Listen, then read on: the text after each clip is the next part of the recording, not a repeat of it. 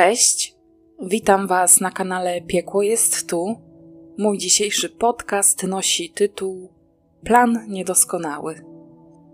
Historia, którą przygotowałam dla Was dzisiaj, nie jest taka, jaka może się na początku wydawać. Jest to historia, która udowadnia, że więzienna resocjalizacja nie zawsze przynosi pożądane skutki oraz pokazuje nam, że zło i bezwzględność w człowieku nigdy do końca nie umiera. W 1993 roku 33-letni wówczas Zbigniew, odsiadujący wyrok 15 lat pozbawienia wolności, w nagrodę za bycie wzorowym więźniem, został przeniesiony do półotwartego zakładu karnego w Opolu. Jeszcze wtedy nie wiedział, że nie będzie musiał odsiadywać swojej kary do końca. Podjął pracę jako palacz w jednej z firm na terenie miasta. Tam też poznał młodszą od siebie, niespełna dwudziestoletnią wtedy Irenę.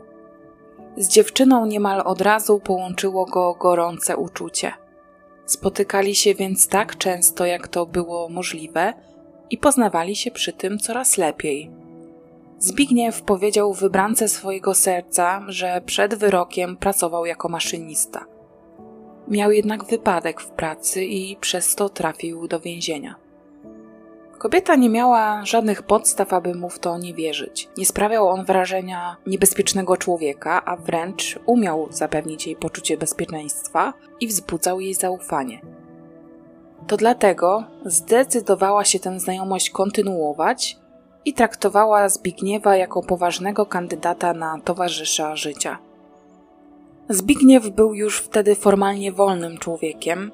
Kiedy on odsiadywał wyrok, jego żona i dzieci, które przyszły na świat podczas trwania tego małżeństwa, postanowili się od niego odciąć. Rozwód okazał się być szybki i bezbolesny. Nic więc nie stało Zbigniewowi na drodze, aby zaczął planować przyszłość z nowo poznaną, piękną dziewczyną, jaką była właśnie Irena. Niedługo po ich pierwszym spotkaniu okazało się, że dziewczyna jest w ciąży. Problem polegał jednak na tym, że mężczyzna nadal przebywał w więzieniu. Co prawda mógł się widywać z Ireną, ale nie mógł zająć się nią tak, jak oczekiwała tego od niego m.in. jej rodzina. Ciąża jego partnerki była zatem okazją dla Zbigniewa, aby powalczyć o możliwość przedterminowego zwolnienia z więzienia. Jako jeden z powodów podał oczywiście fakt, że zostanie ojcem. Deklarował chęć zaopiekowania się Ireną i ich wspólnym dzieckiem. Argumentem za tym, aby Zbigniew mógł opuścić więzienie zaledwie po odsiedzeniu części wyroku, bo po sześciu latach, było też jego nienaganne, wręcz wzorowe zachowanie w zakładzie karnym. Ostatecznie mężczyzna wyszedł z więzienia jeszcze w 1993 roku. Wtedy przeprowadził się wraz ze swoją już narzeczoną do jednej ze wsi położonych pod Opolem o nazwie Zawada. Tam gospodarstwo prowadzili rodzice dziewczyny. Przyjęli Zbigniewa pod swój dach pomimo niewielkich początkowych oporów – Wiedzieli o jego kryminalnej przeszłości, ale wersję o tym, dlaczego trafił do więzienia, znali dokładnie taką, jaką znała też Irena. Nawet mu współczuli tego, co przeżył w związku ze spowodowaniem wypadku. Nikogo nie dziwiło, dlaczego otrzymał dość wysoki wyrok, jak za czyn popełniony nieumyślnie. Para wkrótce wzięła ślub, a Zbigniew, żeby odciąć się od przeszłości, zdecydował się przyjąć nazwisko swojej żony. Mężem jednak nie był tak idealnym, jak to deklarował podczas małżeńskiej przysięgi. W domu niewiele robił, tłumaczył swoją bierność tym, że nic w obrębie gospodarstwa nie należało do niego, to też on nie zamierzał wykonywać roboty za kogoś. To właśnie skłoniło rodziców Ireny do przepisania gospodarstwa na swoją córkę i zięcia. Robili więc wszystko, aby ułatwić młodym wspólne życie. Wkrótce na świecie pojawiła się pierwsza córka pary, której dali na imię Justyna. W życiu Zbigniewa był pewien mężczyzna, którego poznał podczas odsiadywania wyroku w zakładzie karnym w Strzelcach Opolskich.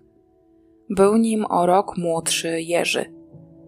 W celi mężczyźni bardzo się do siebie zbliżyli, zatem postanowili utrzymywać przyjacielskie relacje również wtedy, kiedy oboje byli już wolni. Jerzy wyszedł rok wcześniej niż Zbigniew i pochodził z Podkarpacia. Tam też wrócił po wyjściu z więzienia. Ale ich kontakt nie zakończył się we więziennej celi. Jerzy często odwiedzał swojego przyjaciela i jego żonę w zawadzie. To oni zapewniali mu nocleg zawsze, kiedy zjawiał się w ich domu. Zazwyczaj starał się im za to odwdzięczyć, na przykład drobną pracą przy remoncie, naprawiał coś czy też pomagał w gospodarstwie. Choć Jerzy lubił wypić, to nie sprawiał gospodarzom żadnych większych problemów. Darzyli go więc sympatią, zarówno Zbigniew, jak i Irena. Z czasem małżeństwo postanowiło założyć własny biznes. Otworzyło więc sklep spożywczo-przemysłowy przy ulicy Kołątaja w Opolu. Sklep prosperował dobrze. Oboje spędzali w nim mnóstwo czasu – z czasem lokal wypracował sobie stałych klientów, zarówno tych, którzy robili codzienne zakupy, jak i tych, którzy przychodzili wyłącznie po alkohol, który następnie spożywali przed wejściem do lokalu. Irena była w sklepie ekspedientką i przez klientów była bardzo lubiana. Postrzegano ją jako miłą, otwartą i zawsze uśmiechniętą kobietę. Miała dobrą opinię w swoim otoczeniu była też troskliwą matką i macierzyństwu poświęcała się równie mocno co pracy i małżeństwu. Zbigniew jednak nie potrafił dochować żonie wierności. Pod koniec lat dziewięćdziesiątych poznał kobietę imieniem Elżbieta. To do niej na pół roku wyniósł się z domu, który dzielił z Ireną i córką. Kobieta źle to zniosła, ale wierzyła, że była to jedynie chwila słabości ze strony jej męża i wkrótce Zbigniew wróci do domu, do swojej rodziny. Stało się tak w momencie, kiedy zmarł ojciec Ireny. Z Elżbietą, pomimo że Zbigniew zdecydował się wrócić do żony, nie urwał do końca kontaktów. Cały czas się ze sobą kontaktowali, a mężczyzna miał jej nawet opowiadać, że niebawem, kiedy jego żona nieco podniesie się po stracie, to znów razem zamieszkają. Sugerował więc, że jego powrót do domu był spowodowany kiepskim stanem psychicznym i emocjonalnym Ireny. Elżbieta była w Zbigniewa wpatrzona jak w obrazek, dokładnie tak jak na początku była w niego wpatrzona Irena. Dawał jej poczucie bezpieczeństwa, tak jak przed laty dawał je Irenie. Dlatego kobieta nie chciała rezygnować z tej zakazanej relacji. Spotykała się więc nadal z mężczyzną, co nie umykało uwadze jego bliskich. Ale on przed wszystkimi cały czas utrzymywał, że są to spotkania tylko koleżeńskie. W tajemnicy przed żoną mężczyzna utrzymywał swoją intymną relację z kochanką jeszcze przez kolejne cztery lata. W międzyczasie Irena zaszła w kolejną ciążę. Elżbiecie Zbigniew ten fakt tłumaczył tym, że z żoną od dawna nie sypia, a dziecko zapewne nie jest jego.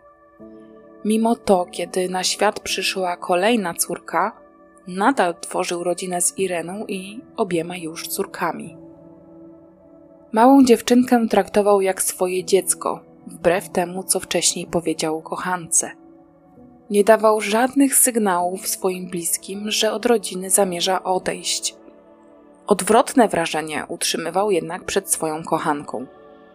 Jedyną osobą, z którą Zbigniew mógł szczerze porozmawiać o swojej sytuacji i o swoich uczuciach, był Jerzy, przyjaciel z więziennej celi. Zbigniew wiedział, że tylko on nie będzie oceniał jego czynów. Wiedział o nim zresztą dużo więcej niż pozostali, którzy go otaczali, ale do tego przejdziemy nieco później. Jerzy zbliżył się do rodziny Zbigniewa na tyle, że często był przez nich zapraszany do siebie. Podczas takich wizyt najczęściej wspólnie biesiadowali. Irena słynęła ze swojej gościnności, a jak gościnności to i suto zastawionego stołu. Jako gospodyni domowa sprawdzała się świetnie. Ugoszczony niemal jak najbliższy członek rodziny Jerzy, wówczas chcąc się odwdzięczyć, na przykład pomagał w sklepie. Tak też było w lutym, kiedy para zdecydowała się na generalny remont lokalu. Józef jako złota rączka został przez nich ściągnięty z Podkarpacia i miał za zadanie pomóc w odrestaurowaniu sklepu. W tę pracę angażowali się wszyscy, zarówno Irena, jak i Zbigniew ze swoim przyjacielem. Spędzali w lokalu mnóstwo czasu, chcąc jak najszybciej móc go ponownie otworzyć. 9 lutego 2004 roku w sklepie trwały już tylko prace porządkowe po przeprowadzonym wcześniej remoncie. Do późnego wieczora harowali tam we troje. Pewnym momencie, w okolicach godziny 20, Zbigniew musiał opuścić lokal, ponieważ zauważył, że na zapleczu lokalu jest zepsute gniazdko elektryczne. Udał się więc do domu w Zawadzie, skąd miał zabrać nowe gniazdko i przywieźć je do sklepu, aby móc je tam zamontować. W domu w tym czasie pod opieką babci przebywały jego córki. Starsza miała już 11 lat, a młodsza półtora roku. Kiedy tylko Zbigniew pojawił się w domu, poprosił swoją córkę o wykonanie telefonu do sklepu. Chciał sprawdzić, jak idą dalsze prace w sklepie. Późnym wieczorem miał odebrać swoją żonę i razem mieli wrócić do zawady. Justyna posłusznie zadzwoniła do mamy, ale Irena nie zamierzała jeszcze kończyć pracy. Poinformowała córkę, że przed nią jeszcze sporo obowiązków i kazała dziewczynce położyć się spać, a następnie zakończyła połączenie. Jakiś czas później, około godziny 21.30, Zbigniew postanowił wrócić do sklepu. Kiedy podszedł pod budynek, okazało się, że drzwi lokalu są zamknięte. Mężczyzna nie wziął ze sobą kluczy, a na jego ciągłe pukanie nikt nie reagował.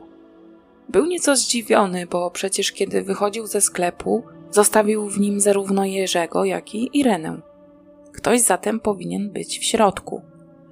Zainteresowany wystającym pod drzwiami Zbigniewem, stróżujący mężczyzna podszedł do niego, aby zaproponować swoją pomoc. Właściciel sklepu wyjaśnił, że przyjechał odebrać żonę, ale w środku chyba nikogo nie ma. Był wyraźnie zaniepokojony, ponieważ żona nie odbierała od niego telefonu ani nie dała znać, że gdzieś zamierzała wyjść. Poinformował więc stróża, że musi wrócić do domu, żeby zabrać stamtąd zapasowe klucze do sklepu, aby móc do niego wejść i zorientować się w sytuacji. Chwilę później wsiadł do samochodu i odjechał. Kiedy wrócił na miejsce, pod budynkiem zauważył radiowozy policyjne i karetkę pogotowia. Podczas jego nieobecności, przejęty sytuacją stróż, zerknął do środka sklepu przez dziurkę od klucza i zauważył leżącą na podłodze kobietę, przez co niezwłocznie wezwał pomoc, bojąc się, że kobiecie mogło stać się coś złego. Jego obawy niestety potwierdziły się. Kiedy policjanci przyjechali na miejsce i sforsowali drzwi, żeby móc dostać się do środka, w lokalu dostrzegli ranną Irenę. Leżała w wąskim korytarzu na zapleczu sklepu i nie dawała oznak życia. W oczy mundurowych rzuciły się rany w okolicy głowy, które wskazywały na to, że kobieta została napadnięta. Niestety, w momencie, kiedy ją znaleziono, już nie żyła. Sekcja zwłok później wykazała, że kobieta była duszona kablem elektrycznym, ale wcześniej sprawca zadał jej cios butelką w głowę, aby ją ogłuszyć. Ze źródeł wynika, że przyczyną śmierci było właśnie to uderzenie w głowę. Zbigniew był zszokowany, zwłaszcza w momencie, kiedy policjanci postanowili go aresztować jako pierwszego podejrzanego w sprawie. Nie był on jednak w stanie powiedzieć policjantom, co działo się w sklepie pod jego nieobecność. Sugerował, że może motywem zbrodni był motyw rabunkowy. W kasie brakowało bowiem 600 zł, czego mężczyzna nie zapomniał wcześniej sprawdzić. Przesłuchany Zbigniew zeznał, że kiedy był w domu, jego córka dzwoniła do Ireny i wszystko było wtedy w porządku i nic nie wskazywało na to, że w sklepie przebywa ktoś jeszcze. Tym bardziej, że jego żonie grozi jakieś niebezpieczeństwo. Tym samym miał solidne alibi, które potwierdziła córka, jak i teściowa mężczyzny, to też policjanci musieli szukać innego winnego. I po 48 godzinach, nie mając żadnych dowodów na winę Zbigniewa, zwolnili go z aresztu. Ale szybko ustalono, że oprócz Zbigniewa i Ireny w sklepie tego dnia pracował jeszcze Jerzy. Mężczyzny nie było na miejscu wydarzeń, a więc istniało podejrzenie, że mógł on przyczynić się do śmierci kobiety, a następnie uciec z miejsca wydarzeń. Jego szybki wyjazd był bowiem bardzo w oczach policjantów podejrzany. Na szczęście udało się Jerzego odnaleźć w miejscu, w którym był zameldowany, czyli na Podkarpaciu, a dokładniej to prawdopodobnie w miejscowości Jarosław. Aresztowano więc Jerzego, ale początkowo niechętnie współpracował ze śledczymi, nie przyznając się do popełnienia tej zbrodni. Jednakże wystarczyła jedna noc, aby go złamać. Dosłownie w środku nocy Jerzy poprosił, a wręcz wykrzyczał przez drzwi czy też kraty swoją prośbę o rozmowę z prokuratorem. Obiecał, że opowie wszystko o zdarzeniach z 9 lutego 2004 roku. W rezultacie około godziny pierwszej w nocy w obecności prokuratora na komendzie miejskiej policji w Opolu Jerzy przyznał się do zabójstwa Ireny. Jego zeznania trwały przez kolejne niemal cztery godziny i zszokowały wszystkich, bowiem mężczyzna nie miał zamiaru kryć swojego najlepszego przyjaciela. Jerzy zeznał, że dzień przed wydarzeniami pojawił się w domu Zbigniewa i Ireny. Na jego przyjazd miał naciskać właśnie Zbigniew, który zresztą całą podróż z Podkarpacia do Zawady mu zasponsorował. Ściągnął go do siebie pod Opole pod pretekstem pomocy przy remoncie sklepu, ale Jerzy od początku podejrzewał, że chodziło o coś więcej. Jego przyjaciel mniej więcej od dwóch lat wspominał o tym, że chce pozbyć się swojej żony, przez którą nie może związać się na stałe z Elżbietą. Nie może, ponieważ jeśli się z nią po prostu rozwiedzie, nastąpi też podział majątku. A on chciał zatrzymać wszystko, czego się wspólnie dorobili przy sobie. Jerzy z lekkim przerażeniem słuchał o planach swojego przyjaciela. Początkowo myślał, że to tylko takie gadanie, które ma na celu wyładowanie emocjonalne sfrustrowanego nieudanym pożyciem małżeńskim człowieka. Później jednak Zbigniew nieśmiało zaczął proponować Jerzemu współpracę, z której oboje mieli dla siebie wyciągnąć korzyści.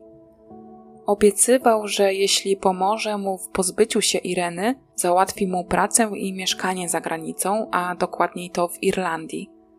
Jerzy konsekwentnie odmawiał mu pomocy aż do 8 lutego 2004 roku. Irena poszła już spać, kiedy między dwojgiem przyjaciół wywiązała się kolejny raz rozmowa nawiązująca do zabójstwa. Jerzy był już wtedy mocno pijany, do czego zresztą też przyczynił się Zbigniew, nieustannie dolewając koledze do pustego kieliszka. To również był element jego planu. Upojony alkoholem Jerzy był znacznie bardziej skory do negocjacji i znacznie podatniejszy na sugestie i wpływy. Kiedy więc Jerzy był już odpowiednio urobiony, Zbigniew przedstawił mu swój plan. Następnego dnia, kiedy już razem z Ireną znajdowali się w sklepie, na zapleczu, kiedy niczego nieświadoma kobieta porządkowała towar na półkach sklepowych, miał wręczyć koledze pieniądze w kwocie 20 zł na zakup niezbędnych do wykonania planu przedmiotów, w tym gumowych rękawiczek, żeby nie zostawiać po sobie odcisków palców. Wieczorem Zbigniew zamierzał wrócić do domu, żeby zapewnić sobie alibi przed policjantami. Zapewniał Jerzego, że jego nikt nie będzie podejrzewał, a on postara się o to, aby śledztwo szybko zostało umorzone. Specjalnie kazał koledze wybrać z kasetki pieniądze, żeby mundurowi podejrzewali motyw rabunkowy tego napadu. Zrabowane pieniądze miały też być częścią wypłaty dla Jerzego za wykonanie zadania. Kiedy Zbigniew znalazł się już w domu w zawadzie, kazał swojej córce zadzwonić do mamy. To właśnie był znak do działania, na jaki mężczyźni byli wcześniej umówieni. Przez telefon od Justyny Zbigniew dał koledze znak, że jest już na miejscu i że ten może działać zgodnie z planem. Kiedy Irena odłożyła słuchawkę, Jerzy zaczaił się od tyłu i uderzył ją w głowę butelką szampana. Kobieta upadła, a on pochylił się nad nią, zaciskając na jej szyi kabel elektryczny. Kiedy zorientował się, że nie daje już oznak życia, po prostu zamknął lokal i udał się na dworzec. W pierwszej kolejności pojechał do Katowic, a o drugiej w nocy odjeżdżał pociąg do rodzinnego domu Jerzego, w którym finalnie znalazł się o 6 rano. Do wyznania całej prawdy skłoniła Jerzego jego trzeźwość. Od momentu dokonania czynu właściwie cały czas znajdował się pod wpływem alkoholu. W pewien sposób miało to uciszyć jego wyrzuty sumienia. Podczas przebywania w areszcie siłą rzeczy nie mógł spożywać alkoholu, a więc w końcu musiał wytrzeźwieć. Wtedy też doszło do niego, co zrobił, a to kompletnie go załamało, ponieważ jak później przyznał na sali sądowej, Irena była dla niego bardzo dobra i niczym nie zasłużyła sobie na taką śmierć. Dlatego też postanowił wyznać całą prawdę i zrzucić z siebie ciężar tych tragicznych wydarzeń. W czasie, kiedy Jerzy składał obciążające przyjaciela zeznania, Zbigniew przygotowywał się do pogrzebu żony – doskonale udając załamanego męża pogrążonego w żałobie, jak i troskliwego ojca. Otoczony wsparciem najbliższej rodziny, lamentował nad trumną swojej żony. Policjanci obserwowali uczestniczącego w pogrzebie Zbigniewa, a kiedy inni żałobnicy rozeszli się w swoje strony, jeszcze na cmentarzu dokonali jego zatrzymania. Do winy Zbigniew się jednak nie przyznawał – utrzymując, że w małżeństwie układało mu się dobrze. Nie zamierzał odejść od żony i nie miał powodu, aby chcieć jej śmierci. Mało tego, utrzymywał też, że jego małżeństwo nie przechodziło żadnego kryzysu, a później na sali sądowej zaprzeczyła temu zarówno matka Ireny, jak i kochanka Zbigniewa, która zeznawała w sprawie jako świadek. W niewinność mężczyzny wierzyły chyba tylko jego siostry, ale to też tylko na początku, bo później, w toku procesu, kiedy na jaw zaczęły wychodzić wszystkie niewygodne dla niego fakty, o których przed sądem opowiadał Jerzy, one również przestały go wspierać. Zeznania Jerzego wystarczyły, aby prokurator wystąpił do sądu z aktem oskarżenia. Proces rozpoczął się we wrześniu 2004 roku. Obrońcy oskarżonych mężczyzn wnioskowali o utajenie procesu, ale sąd nie widział takiej potrzeby. Jerzy został oskarżony o zabójstwo z zamiarem bezpośrednim, a Zbigniew o kierowanie nim zgodnie z wcześniej ustalonym planem. Prokurator domagał się dla obu mężczyzn najwyższego wymiaru kary, z naciskiem na to, że to zwłaszcza Zbigniew powinien resztę życia spędzić w więzieniu, jako bezwzględny, pozbawiony uczuć wyższych kat, który posłużył się swoim uległym kolegom do osiągnięcia długo planowanego celu. Bo że czyn był przez niego planowany, nie było zdaniem prokuratora żadnych wątpliwości.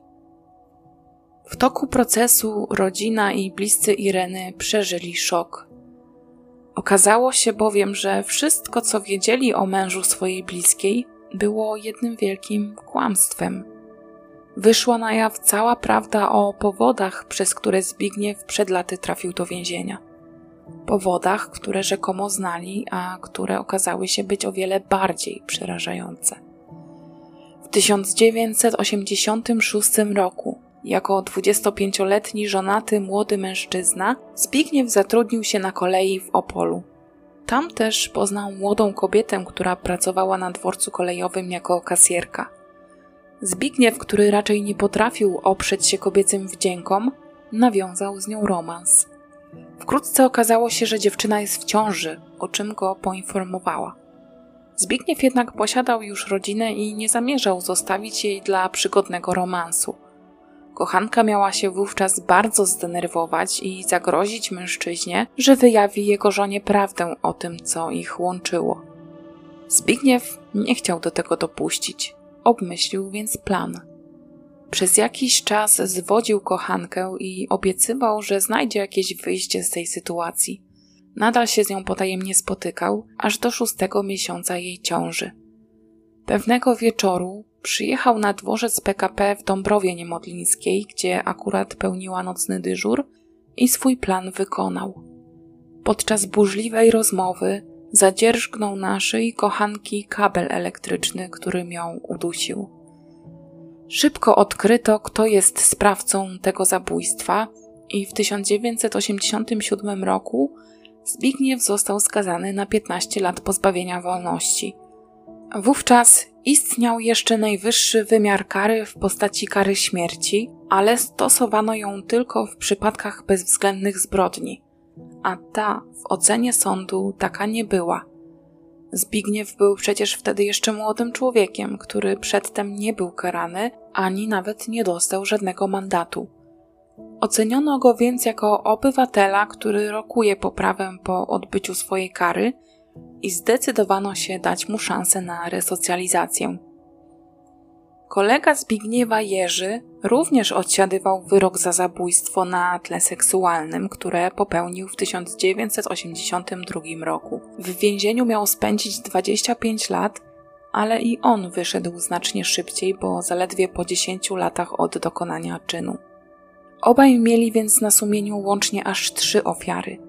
A jakby wziąć pod uwagę to, że kochanka Zbigniewa była w szóstym miesiącu ciąży, kiedy ten pozbawił ją życia, a moim zdaniem warto to wziąć pod uwagę, no to można stwierdzić, że ofiary były cztery.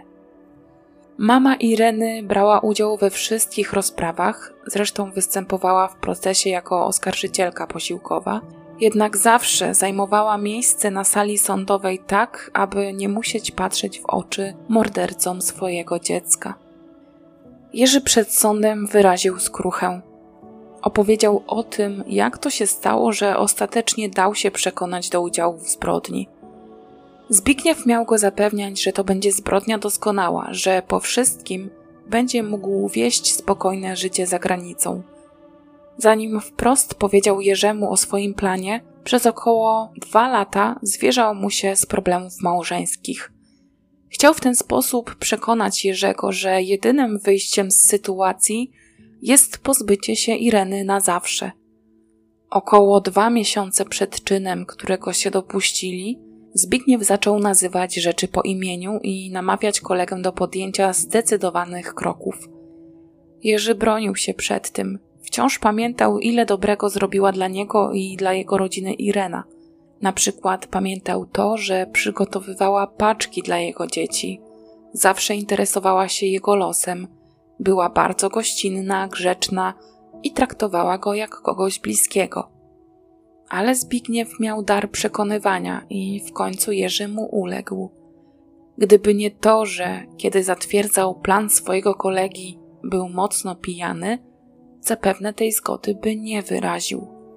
Kolejnego i kluczowego dnia, bo 9 lutego 2004 roku, od samego rana Zbigniew częstował go alkoholem, zapewne po to, aby Jerzy się nie rozmyślił.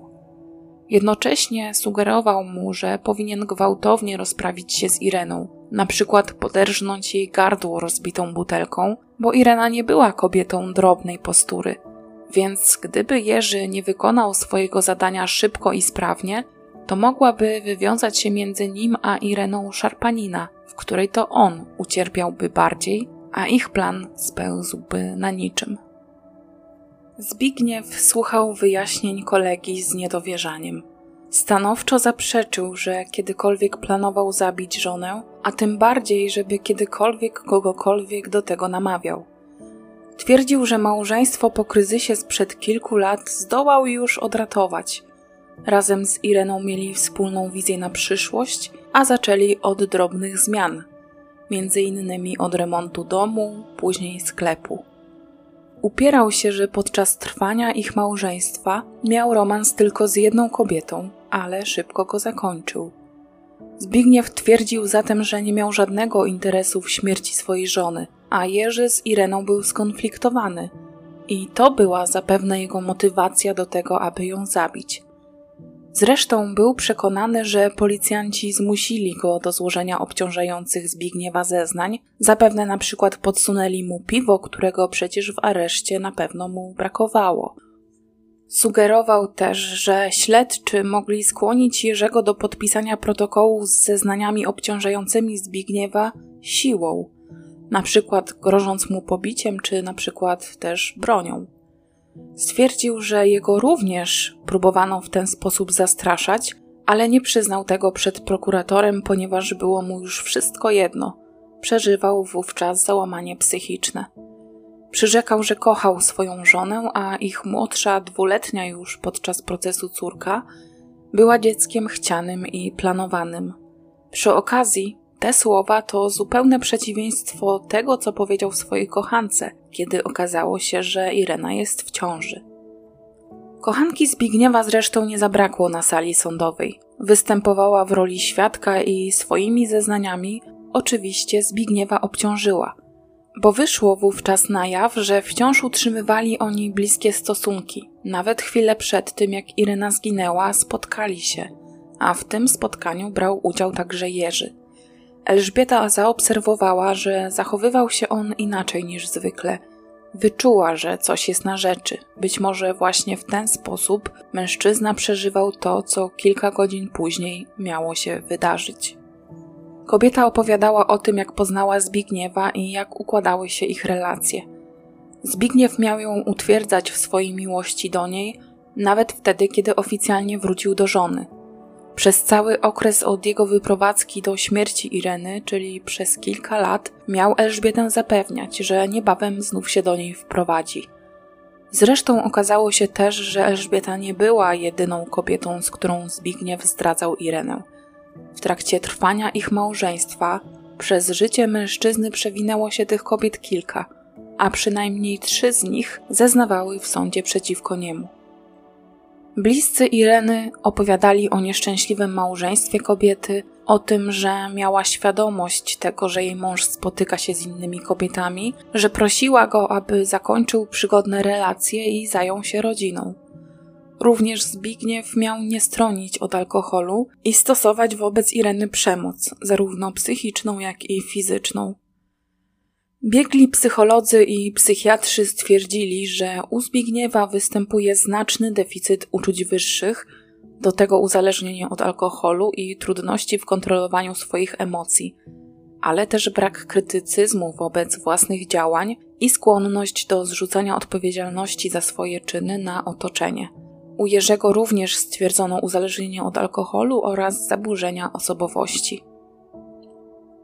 Ostatecznie Sąd Okręgowy w Opolu w marcu 2005 roku ogłosił wyrok i skazał Jerzego na karę 25 lat pozbawienia wolności.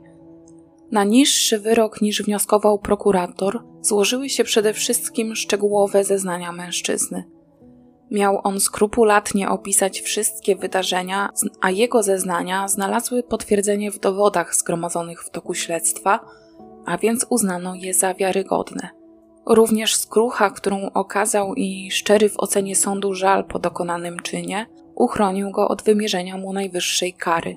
Nie znaczy to jednak, że jego udział w zabójstwie sąd potraktował łagodniej niż udział Zbigniewa – Sąd ocenił ten czyn za tak samo wyrachowany i bezwzględny, zwłaszcza biorąc pod uwagę sytuację pomiędzy ofiarą a Jerzym, która była dobra.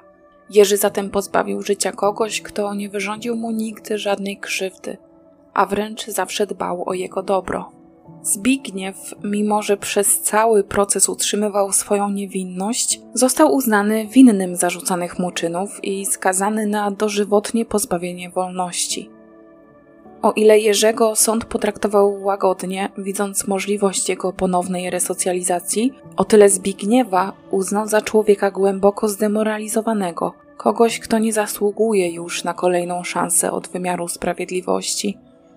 Sąd uznał, że zlecenie zabójstwa było w tej sprawie czynem dużo gorszym niż jego wykonanie, biorąc pod uwagę, że zmanipulowany przez Zbigniewa został człowiek podatny na wpływy, uzależniony od alkoholu i uległy. Zbigniew posłużył się swoim słabszym i naiwnym kolegom, dając mu gwarancję lepszego życia po spełnieniu jego prośby. To, że zaplanował zabójstwo i to, że wciągnął w to osoby trzecie, świadczy o rozmiarze zła, jakie się w nim kryje.